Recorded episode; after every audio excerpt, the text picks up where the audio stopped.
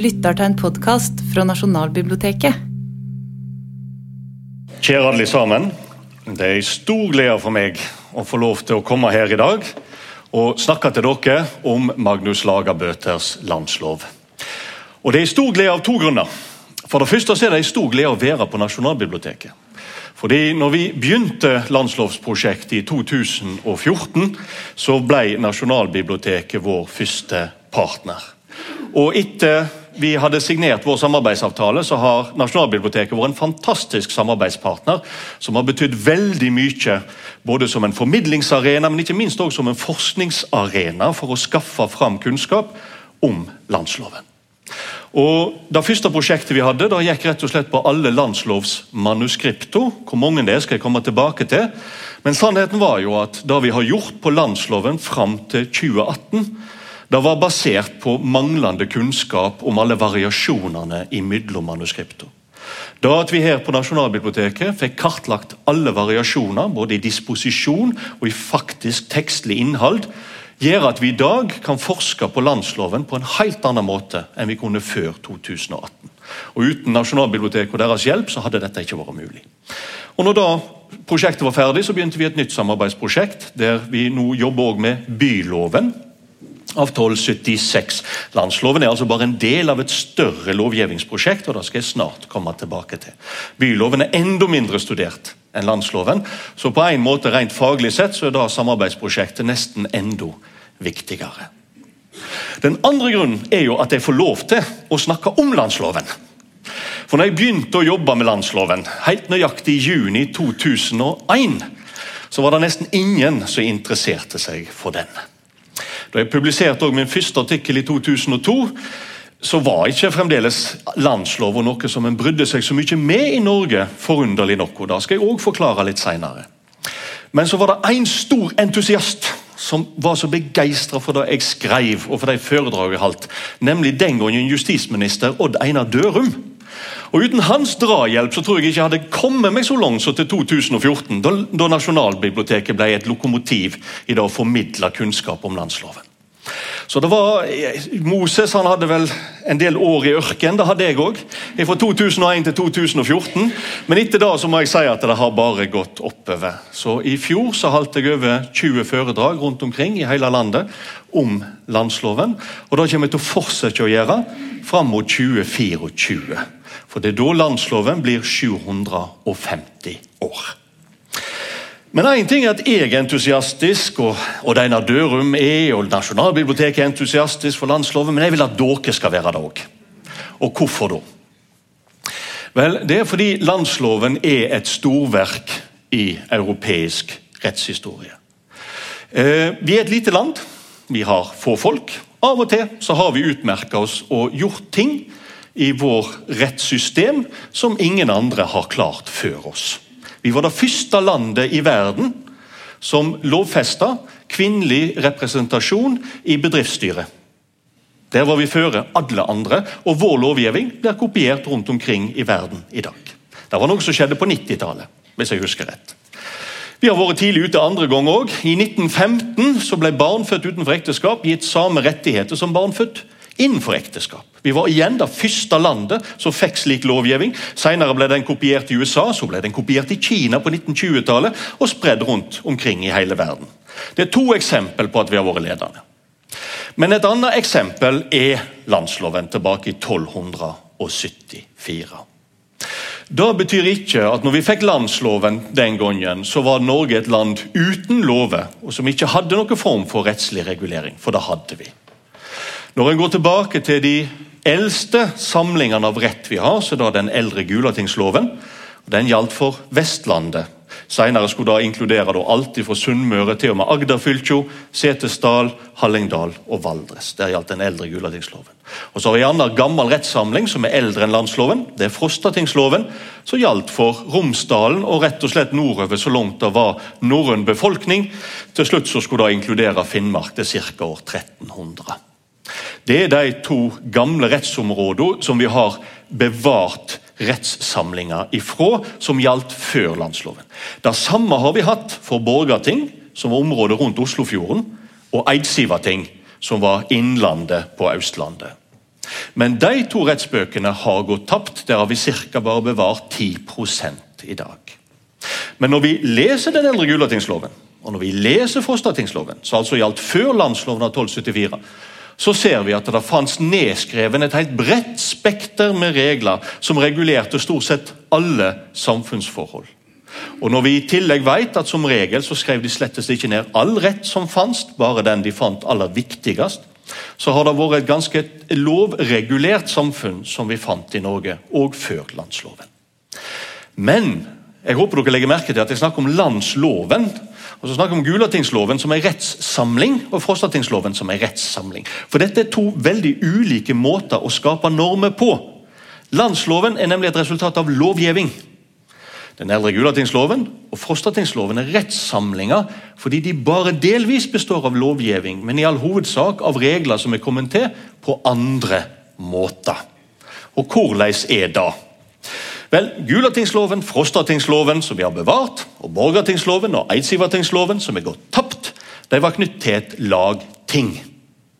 Norge, slik vi kjenner det i dag, Fastlands-Norge var delt i fire rettsområder, fire lagtingsområder med hvert sitt ting. Og På tinget var det rettsdannelsen skjedde. Ting hadde vi på alle nivå. Vi hadde bygdeting, vi hadde regionsting, og vi hadde altså disse store lagtingene. Og Noen av disse tingene møter regulært. Bygdeting, regionsting og lagting møter regulært. Men så har vi òg adhoc-ting. F.eks.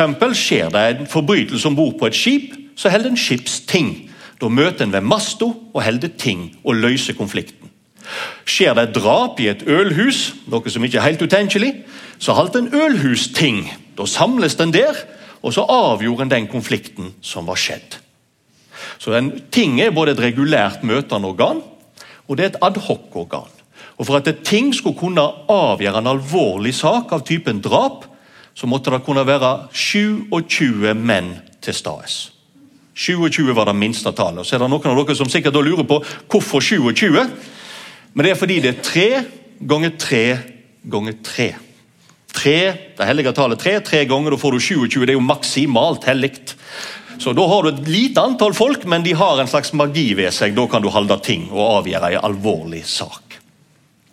Og Det var da ting hun gjorde, og det er veldig viktig. Ting hun avgjorde sak, både disse adhoc-tinga avgjorde konflikter som var oppstått, og disse regulært møtende tinga avgjorde konflikter som oppsto.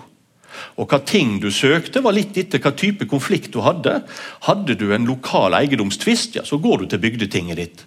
Har du en større sak eller en sak som involverer veldig mektige personer, ja, så går du enten til et regionsting eller helt opp til et lagting. Som avgjorde de vanskeligste sakene, og der størst verdier og mest makt sto på spill. Og Da avgjør de saka med våpentak. Og Våpentak da betyr bare rett og slett at alle er til stede, de stemmer for en løsning, så du har en konflikt mellom to parter. Så blir det foreslått denne konflikten skal vi løse slik. Og så Nå er dere altså en tingalmue, ca. 200 personer. Har vi, vi har ikke et lagting da, da skulle dere vært ca. 400. Men vi har iallfall et regionsting, så vi kan si at vi er Ringerike, f.eks. Og Hvis dere da var enige med den løsninga jeg foreslo, så ville dere løfte skjoldet deres og et våpen. Sverd, øks, spyd. Og så slo dere på skjoldet hvis dere var enige det er våpentak. Da tar dere ei, ei avgjørsle ved hjelp av våpnene. Og Det er viktig av to grunner. For det første så kunne vi jo hatt håndsopprekning. Sant? Det hadde vært mye enklere. så kunne jeg ha visst, Dere er ca. 200 personer i dette rommet nå, så da kunne jeg ha visst at det var 99 for og 101 imot. Kunne vi vært helt sånn fintalt, men det ville de ikke. De ville ikke ha noe fintelling, for de ville ha maksimal autoritet og avgjørelsen. Med våpentak så kan du ikke fintyde hvor mye lyd det var for det ene og for det andre. Da må du ha kvalifisert flertall. Og Derfor så ville de ha våpentak. Det er først med landsloven at vi begynner å få håndsopprekning. Som en annen type å, å vedta saker på. og Da har ting eller domstolen fått mye mer autoritet i seg sjøl. Så det er veldig viktig. Så dere avgjør det med våpentak. Den andre grunnen til at dere avgjør det med våpentak, er fordi dere får gjøre inngående avtale. Når dere slår våpenet mot skjoldet, så sier dere 'dette stemmer jeg for'. Og om nødvendig så er jeg med å håndheve den avgjørelsen med mine våpen. Så da å treffe en avgjørelse på tinget var en alvorlig sak. Derfor hadde en òg en sånn sikkerhetsventil. Og Det betydde at hvis dere så hva vei dette gikk, men dere ikke ville være med på avgjørelsen, så bare gikk dere deres vei. Og Hvis en fjerdedel av de som var på tinget gikk, så var ikke tinget vedtaksdyktig lenger. Faktisk. Og Sånn kunne jeg fortsette i det endeløse. Tinget var et ganske komplisert, virkende politisk organ som avgjorde saker. Og De avgjørelsene og det er det som er viktig, de kunne bli brukt på nytt i en ny sak. Så Hvis en har en sak på tinget der en mann er blitt skubba med et spydskaft så han detter på ryggen, så blir dette det i æressak. Og hvis dere lurer på hvorfor, så bare legg dere ned på ryggen her inne. Dere vil kjenne at det er forferdelig audmjukende. Og I et vikingsamfunn er det en skrekkelig ting å skubbe noen så de detter på ryggen. Helt audmjuka. Da blir dette en sak, og det er en stor sak, og det blir diskutert veldig mye. og Til slutt så blir, blir det avgjort at det bota for å skubbe noen med et spydskaft, så de detter på ryggen, det er full bot. Altså hele verdien av et menneskeliv. Så det er en stor bot. Så kan dere tenke dere at det kommer opp en sak fem år senere, der noen har skubba noen med et spydskaft. Da trenger en ingen diskusjon. For en sier bare 'vi gjør det slik vi gjorde det sist'. Full bot. Og Så kan dere tenke dere at det går fem år til, og så kommer det opp en ny sak. Nå er det ikke noen skubba med et spydskaft, de er skubba med en stokk. Ja, Da blir det litt diskusjon om spydskaft og stokk er det samme. Men da kommer de ganske fort til at det er, og så blir det full bot igjen. Og Så kommer det opp en ny sak fem år etterpå, og da er noen skubba med et spydskaft. Det er jo, Den er grei, den har vi fast praksis på. Men så blir de ustø, og så ramler de ikke bakover på ryggen, men bare ned på kne. Aha, hva gjør en da? Ja, Da blir det diskusjon, og uh, avgjørelsen blir halv bot, for du er bare halvveis nede. sant? Og Dette er ikke noe jeg har kommet på, dette er en regel. Dette er en regel vi finner i den eldre Gulatingsloven. Slik skapte en lover. En avgjorde enkeltsaker, og etter hvert så brukte en avgjørelsene om. og Så hadde en liknende avgjørelser, så pakka en dette sammen, og så får du en regel. Så Den eldre Gulatingsloven og fostertingsloven består av veldig mange slike regler som er bygd på saker som er avgjort. Derfor er ikke det lovgivning.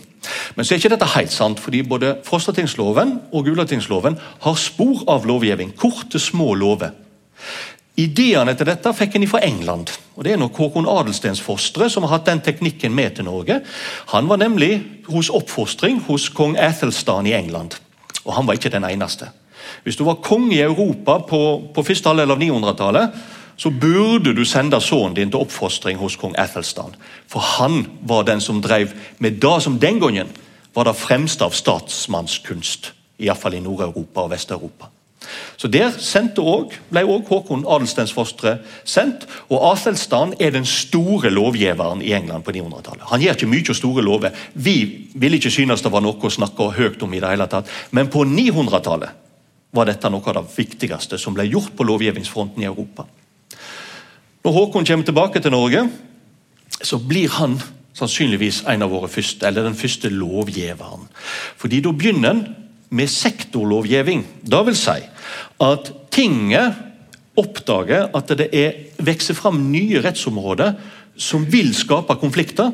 Og Så velger en å finne en løsning på de konfliktene før de oppstår. La meg gi dere et eksempel. Håkon den gode er, for, har i hvert fall fått ære for å innføre forsvarsordninga av Norge, Leidangsordninga, som er sjøforsvarsordning.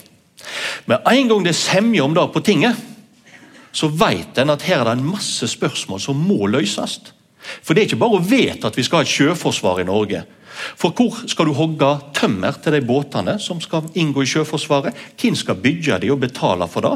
Hvor skal de ligge i opplag om vinteren, og hvor skal de ligge på sjøen om sommeren? Hvem skal betale for naustet du må bygge for å ha de om vinteren? Hvor skal du legge seilet? For naustet er ikke langt nok til å legge det der, så da må du legge en annen plass. Typisk i kirka skal de bestemme.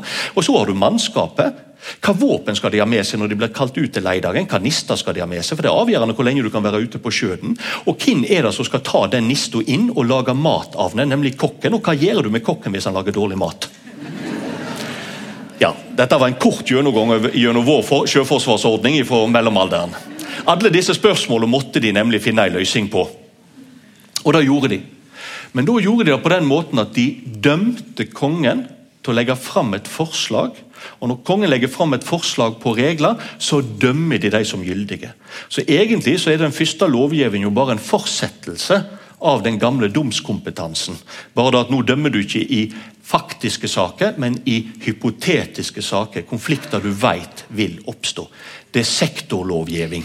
Det er den første lovgivningen vi får. Vi får det når det gjelder Leidangen f.eks. Eh, vi får det når det gjelder det vi skal kalle kristenrett, altså regler for en kristen eh, livsførsel. For meg en gang kristendommen gjør sin inntreden i Norge, ikke bare på et individplan, men det vi kan kalle på et samfunnsverdiplan, så må du ha regler. Fordi Før i hedensk tid så trenger du ikke gifte deg med noen som helst. Du kan ha så mange elskerinner du vil, og hvis du vil gifte deg, kan du gifte deg med mange om du vil, og få unger med hele gjengen. Det fins ingen regler for den slags. Med kristendommen så får du det monogame ekteskapet. Og kun barn født i ekteskapet ditt med den ene personen er rette arvinger til deg. Det er en enorm forandring. Dette må du ha regler for. Og alle skjønner ganske raskt at her har vi et bruk for regler. Da er det kirka som blir dømt av tinget til å komme med et forslag til ekteskapsregler og arveregler f.eks. Det er et nytt felt der du får sektorlovgivning. Så Slik vokser lovgivninga gradvis fram, men både den eldre Gulatingsloven og Frostatingsloven har altså regler som i stor grad vokser fram av ulike former for rettspraksis, og så ispedd da sektorlovgivning. Og Det er litt av et puslespill å skilje disse to ifra hverandre, og det er et helt annet foredrag. Så nå skal jeg gå videre. Fordi Dette er måten vi regulerte Norge på. Og det er veldig viktig, Norge var altså ikke et uregulert samfunn før landsloven. Det var et svært regulert samfunn. Men så vokser det en fram en idé om lovgivning. Lovgivning er en helt annen måte å regulere et samfunn på. De reglene vi har i Gulatingsloven, det er altså regler som opprinnelig springer ut av et ønske om å reparere skade som har skjedd i ei enkelt sak. Derfor er Gulatingsloven og Frostatingsloven full av det vi kaller kasuistiske regler. Det er regler som gjelder ei spesifikk sak. Og det er For å reparere så gjentar du de nye saker, men det er hele tida for å reparere den skaden som har skjedd. Når du begynner med lovgivning, så tenker du ikke så mye bakover, altså reparere skade, som du tenker framover. Hvordan vil jeg at samfunnet skal være i framtida?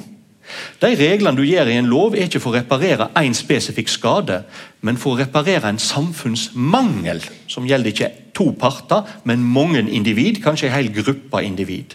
Så du bestemmer deg rett og slett for at vi for har et fattigdomsproblem. Ja, Hvordan skal vi løse det? Jo, vi må ha almisseplikt for de elendigste, vi må ha et omsorgssystem for de som ikke greier å ta vare på seg sjøl.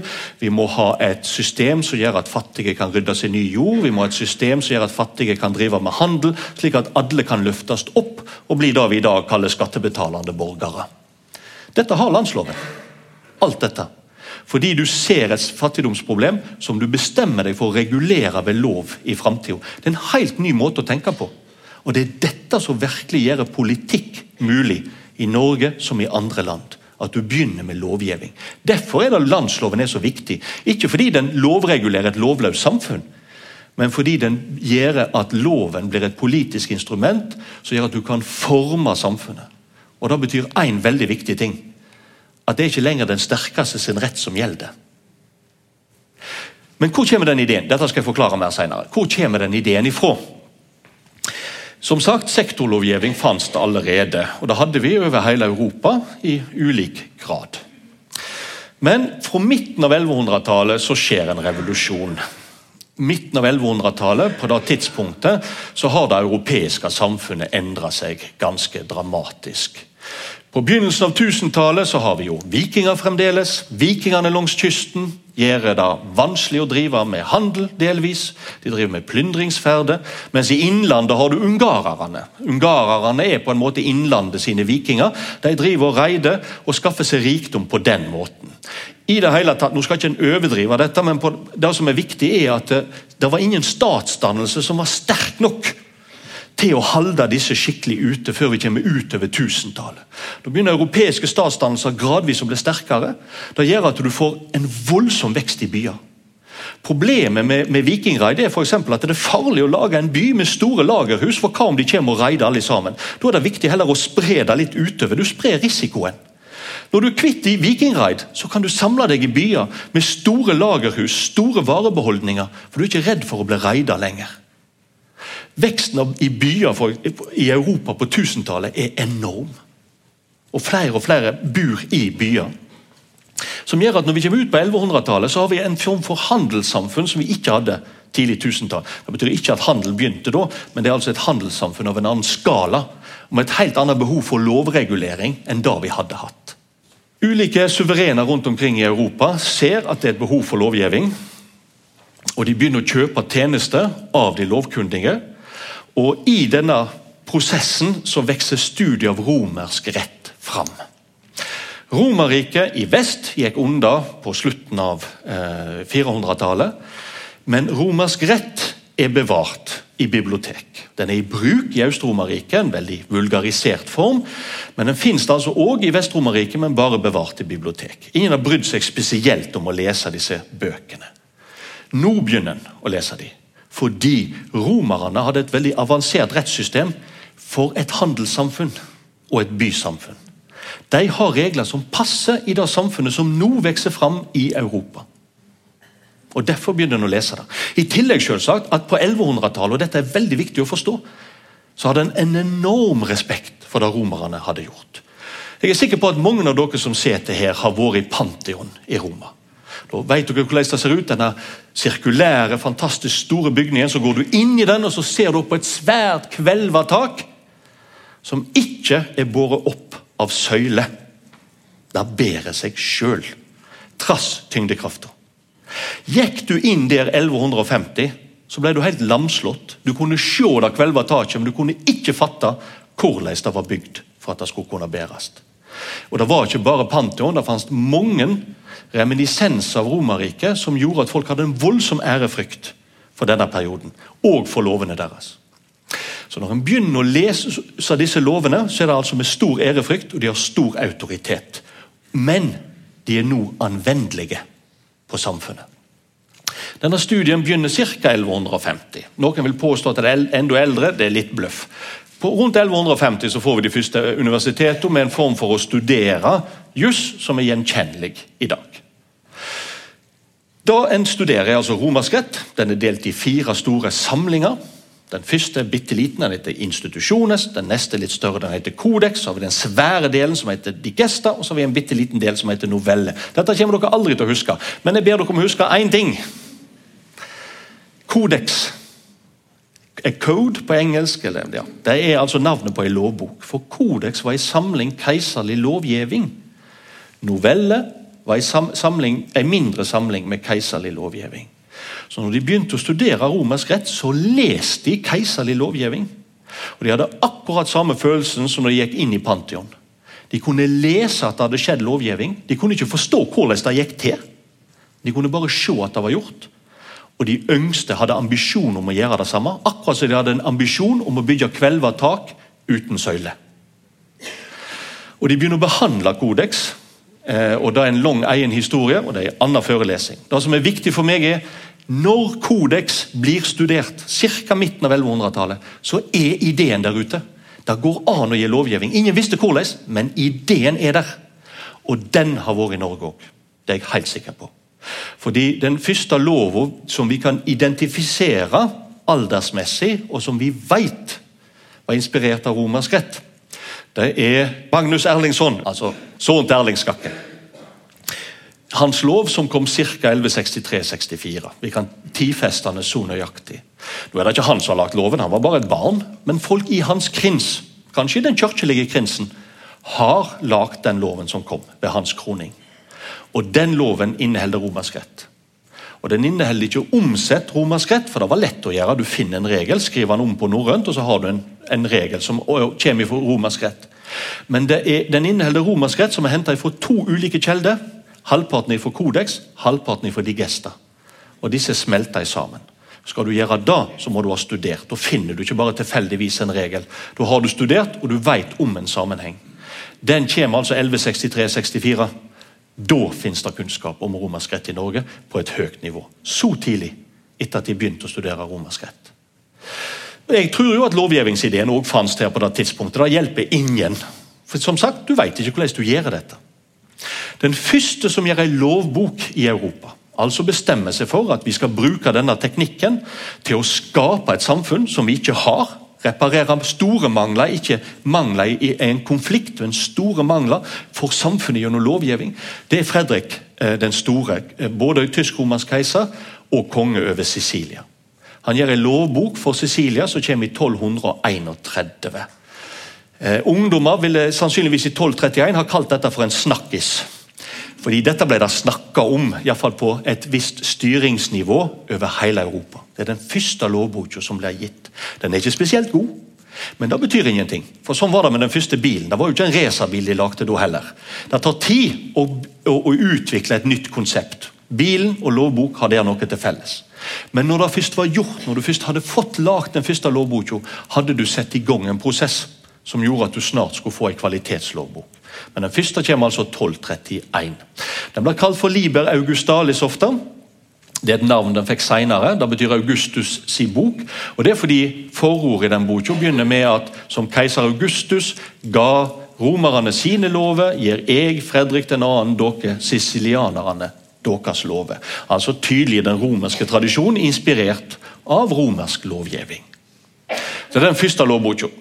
Hadde det noen betydning i Norge? Overhodet ikke, utover at en visste at det var gitt ei lovbok. Det er jeg helt sikker på. Vi kan ikke vite det sikkert, men vi vet at Håkon Håkonsson i Norge korresponderte med Fredrik 2. Og dette var som sagt noe de snakket om i Europa, så alle, jeg er helt sikker på at de hadde kunnskap om dette. Men lovboka hadde de neppe lest, for den fins det nesten ikke bevart noen manuskript av. Vi har bare to komplette manuskript, og det tyder på at den knapt var brukt. Knapt ble distribuert. Den ble lagd, men ikke brukt. Men da er du i gang, og det er det som er viktig. Den neste lovboka som blir lagd i Europa, er den som er viktig for oss. Det er en lovbok som ble lagd i Castilla i dagens Spania. Det er området rundt Madrid. Den ble lagd av Alfonso den 10., og kalt for Den vise. Han begynner sitt prosjekt 1255, og lovboka er ferdig 1265. Det tar ti år å produsere det som blir heter Lasietes Partidas. Det som er viktig i en norsk sammenheng, er at den har den førstehåndskunnskap om i Norge. Fordi, av grunner vi ikke vet, så blir det sendt sendemenn, det vi i dag ville kalt for ambassadører, fra Norge til Castilla i 1256. Det er Håkon Ung som var medkonge med Håkon den gamle. altså Han vi regner som virkelig den Håkon på 1200-tallet, er jo Håkon den fjerde. Håkon den gamle. Han hadde en sønn som heter Håkon, som ble krona til å være medkonge med faren. Han ble kalt for Håkon Ung, men han forsvinner ut av historien, for han dør i 1257. 1258 er det vel, forresten. Men i alle fall. Men det er han Håkon Ung som har ansvaret for at det ble sendt sendemenn til Castilla fra Norge. Vi vet ikke hva de skulle der, men det kommer iallfall kastilianske sendemenn i lag med de tilbake til Norge 1257 og oppsøker Håkon Ung og Håkon Gamle, som sitter i Tønsberg, om lag sommeren 1257. Vi aner egentlig ikke hva denne interessen var, men det som iallfall Kastia hadde interesse for når det gjaldt Norge, det er jo Leidangen, Sjøforsvaret. Vi er det eneste landet i Europa som hadde en sjøforsvarsordning som gjorde at vi hadde ville vi ha sagt med dagens ord, den største marinen i Europa. Alfonso trengte det, fordi han sloss med maurerne, men de fikk hele tiden forsyninger fra basene sine i Nord-Afrika. Ville han slå dem, så måtte han angripe disse basene. Da måtte han ha en flåte. Det hadde ikke han. Men kanskje en allianse med den som satt som sjef for den største flåten i Europa, kunne være til hjelp. Så Vi ser iallfall hva Alfonso hadde av interesser i et sånt ekteskap som jeg snart skal snakke om. Hva Norge hadde som interesser, det vet jeg ikke sikkert. Men i alle fall, det er dette som ble diskutert i Tønsberg 1257. Om prinsesse Kristina, den eneste dattera innenfor ekteskap, til Håkon 4., ville gifte seg med en av Alfonso sine mange brødre, prinser av Castilla. Vi vet ikke helt hva hun tenkte, men det blir iallfall sagt at hun sa ja hvis hun fikk lov til å velge hvem hun skulle gifte seg med. Men om det er skrøna eller ei, det vet vi ikke. Vi vet at hun reiste høsten 1257. Først til England, så til, til, London, til den engelske kongen, hadde med seg jaktfalker i gave til han. Så er de over til Paris, har med seg jaktfalker i gave til den franske kongen. Og så reiser de over land ned til Castilla. Og Hun reiser ikke alene, og det er det som er viktig. Hun reiser i lag med ifølge sagaen, 100 personer fra det norske hoffet. Og det er interessant. Der var det folk som slettest ikke var interessert i lovgivning, men det var også folk som nok var interessert i lovgivning. F.eks. Lodin Lepp, som var en veldig sentral politisk figur i Norge, og som vi regner også som sentral for å lage landsloven av 1274. De reiser altså til Castilla. Det står at de kommer fram eh, første juledag. Det er nok ikke helt nødvendigvis presist, men rundt juletida kom de fram. Så gifta de seg rett ved påske. Det er sannsynligvis heller ikke helt presist, men rundt på våren en gang ble Kristina gift med prins Felipe, en av brødrene til kong Alfonso. Og Det er en interessant historie i seg selv, men jeg er bare interessert i at det tok fire måneder før hun ble gift. For Det betyr at disse 100 personene, i fall de som var interessert, kunne studere den pågående lovgivninga i Castilla. For som sagt, de kunne lese romersk lov, men de skjønte ikke hvordan den var lagd. Men da hadde først Fredrik 2., men ikke minst Alfonso 10. av Castilla løst. Og da vi ser er at De bruker samme hovedopplegget for å lage landsloven som de brukte for å lage Lasietes Partidas. Først så må du kartlegge hva er lovgivningsprogrammet. Det ble laget en bok i Castilla som heter Speilen. Og Jeg tror at siste del av Kongsspeilen, tredje bok, er skreven så seint som etter oppholdet i Castilla. For Leser den, så inneholder den i realiteten et program for lovgivning. Tredje bok av Kongsspeilen er helt annerledes enn første og andre bok. Det er en hypotese. Jeg vet ikke om så veldig mange er enig med meg heller, men jeg tror dette. Det neste de gjør, det er at de samler inn eksisterende rett. Da gjorde de i Castilla. De samla all eksisterende rett i ei bok i et manuskript som de kalte Fuero Real. De gjeldende sedvanereglene eller den gjeldende retten. Det gjorde vi sannsynligvis òg i Norge. For Jeg har fortalt dere om den eldre Gulatingsloven og, den, og Frostatingsloven, som vi har bevart. Men manuskriptene daterer seg sannsynligvis fra nettopp dette tidspunktet 1260. Så De har funnet nedskrevet tidligere, men på dette tidspunktet er det viktig å skrive det ned på nytt, fordi du trenger vite hva er gjeldende rett når du skal lage ny rett. For denne totrinnsraketten, hva er det som foregår? Først så sier du at dette er ambisjonen vår. Det er i speilen. Deretter samler du Le Fuero, eh, Fuero Real og så sier du og dette er bygningsmaterialet vi har. Hva kan vi bruke, og hva er for gammelt og må kastes? Og så driver du med lovgivning på det grunnlaget. Det gjorde de i Castilla. Da er det sannsynligvis som òg skjer i Norge fram mot landsloven. Så Det er der ideen det, det, si, det er ikke der ideen kommer ifra, men det er der du får vite hva teknikk du skal bruke for å lage dette som en har ambisjon om. Og Dette har alle ambisjoner om i Europa. Alle konger vil lage en lov. Og Det blir lagd veldig mange lovbøker, men de er stort sett for byer eller provinser. Det er litt over 40 lovbøker som ble lagd i høgmellomalderen. I denne korte tidsperioden mellom eh, 1231 og, og svartedauden. Så ble lagd litt over 40 lovbøker. Men det er altså for byer og provinser. Kun tre er riksdekkende med landsloven, og så kommer den fjerde rett rundt 1350. Det er altså Liber Augustalis. Det er Lasietes Partidas. Begge disse riksdekkende. Så kommer landsloven. Det er den tredje. Og så Til slutt kommer den svenske landsloven, som kommer ca. 1350. Det er den fjerde og den siste riksdekkende lovboka som kommer fra Europa. Altså Mange lovbøker, for de hadde disse ambisjonene, men det var ingen som klarte å gjøre det for mer enn en by eller en provins. Det er disse kongene, fire stykker, som klarer det for et helt rike. Og De trengte altså å få den inspirasjonen, lære teknikken, gjennom da giftermålet mellom prinsesse Kristina og prins Filipe i Castilla. Men hvorfor har de denne ambisjonen, da? Jo, som jeg fortalte, som skjer det veldig mye i Europa fra 1000-tallet, spesielt etter midten av 1000-tallet og framover. Det er da som gjør at de begynner å studere romersk rett. Men enda bedre å studere den gamle romerske retten er å lage en ny rett for å regulere det nye samfunnet som vokser fram.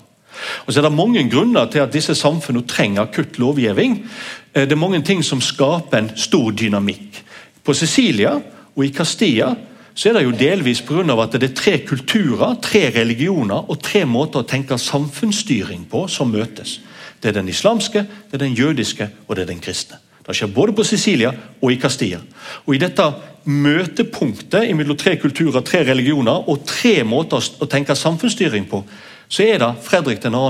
og Alfonso 10. for sine ideer til å gi lovbok. Og Det er veldig viktig. Dette er ikke en ren europeisk hendelse. Sannsynligvis har det vært umulig uten de ideene du òg får gjennom islam og gjennom jødedommen, og som møtes på disse plassene. For eksempel da at Fredrik 2. gjør en lovbok. Det er helt revolusjonerende. Men han har det på latin. Fordi det var jo da romerne brukte. Alfonso derimot tar ett steg lenger. Og så gjør han lovboka La Cetes Partidas, som dere hører. Det er ikke latin, det er spansk. Han gjør han på lovboka på gammelspansk, Nettopp pga. dette kulturmøtet. Der du jo ikke har latin som et lærdomsspråk i den islamske og jødiske kulturen, bare den kristne. Og Siden den ikke dominerer helt og fullstendig, så tar han steget og gjør en lovbok på folkes, det vi ville ha kalt for folkespråket. Den tida var det helt revolusjonerende. Og Landsloven kommer også på norrønt, i den samme tradisjonen. Sannsynligvis delvis etter inspirasjon fra Lacetes Partidas i Spania. Så da er kulturmøtet veldig viktig. Det er samfunn i bevegelse, det skjer mye. Det er et kulturmøte, derfor får de lovbøker. Vi får lovbok av et helt annet, en helt annen årsak. Her møtes slettes ikke islamsk, jødisk og kristen kultur og styringsideologi osv. Hos oss så har vi akutte samfunnsproblem som trenger løsning. Og Det er først og fremst knyttet til noe jeg har nevnt allerede, nemlig fattigdom. Vi har et akutt fattigdomsproblem som vokser fram på 1100-tallet, og som må ha vært sterkt og påtrengende når vi kommer ut på 1200-tallet. Og Det skyldes to faktorer. Det første er at når vi begynner 1100-tallet, så er Norge et trælsamfunn. Det er et samfunn med en relativt stor slavebefolkning, som er en viktig del av vår økonomi. Når vi kommer på slutten av 1100-tallet, så er trælsamfunnet oppløst. Og Hvorfor lurer dere sikkert på, men det er en annen forelesning. For Det er mange grunner som spiller inn. Det var ikke slik at det måtte skje. Sverige som trellsamfunn eller blir oppløst som trellsamfunn først på slutten av 1200-tallet, så 100 år etter Norge. Så Det var ikke sånn at det var tvingende nødvendig, men det var en sammenvirkning av veldig mange faktorer som gjorde at trellsamfunnet forsvinner i Norge i løpet av 100 år. Og Det er en bra ting, men det skapte problem. Det skapte da problemet at de rar folk Foredraget til Jørn er ikke bare veldig interessant, det er også ganske langt, så vi deler det i to, og resten kommer i neste episode. Om du synes landsloven er spennende, bør du også sjekke ut episodene 74, 75 og 76 av denne podkasten. De handler også om landsloven, og både Jørn og flere andre kunnskapsrike folk deler av sin visdom, i tillegg til at skuespiller Frank Kjosås leser utdrag fra landsloven. Leter du etter mer interessant lytting, så anbefales også Gamle greier, podkasten der Askild Matre Aasarød leter fram spennende og interessante historier fra arkivene på Nasjonalbiblioteket. Det, altså, man kan jo ikke oppdage en sånn historie uten å bli litt grann sånn i Se og Hør-modus, selvfølgelig. Dette er pikant. Rett på! Så glemmer jeg jo helt av Darwin og hele den historien. og jeg blir helt oppslukt av det her, alle sjørøverne og alle sjøslagene og alle revolusjonskrigene og sånn.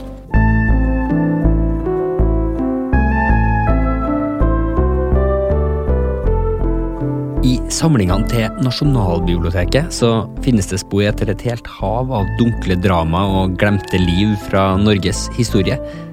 I podkasten Gamle greier så skal jeg, Askild Matre Aasarød, fra det lille studioet midt i kjelleren under Nasjonalbiblioteket i Oslo, nøste opp de her mysteriene. Han har nok lie bakom i granen her en eller annen plass.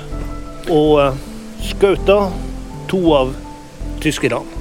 Og den tredje la på sprang inn i Jeg skal snakke med historikere og eksperter. Det er en voldsom kjærlighetshistorie, rett og slett. Men også når det finnes folkene som faktisk var til stede under de her spektakulære, men ofte glemte hendelsene.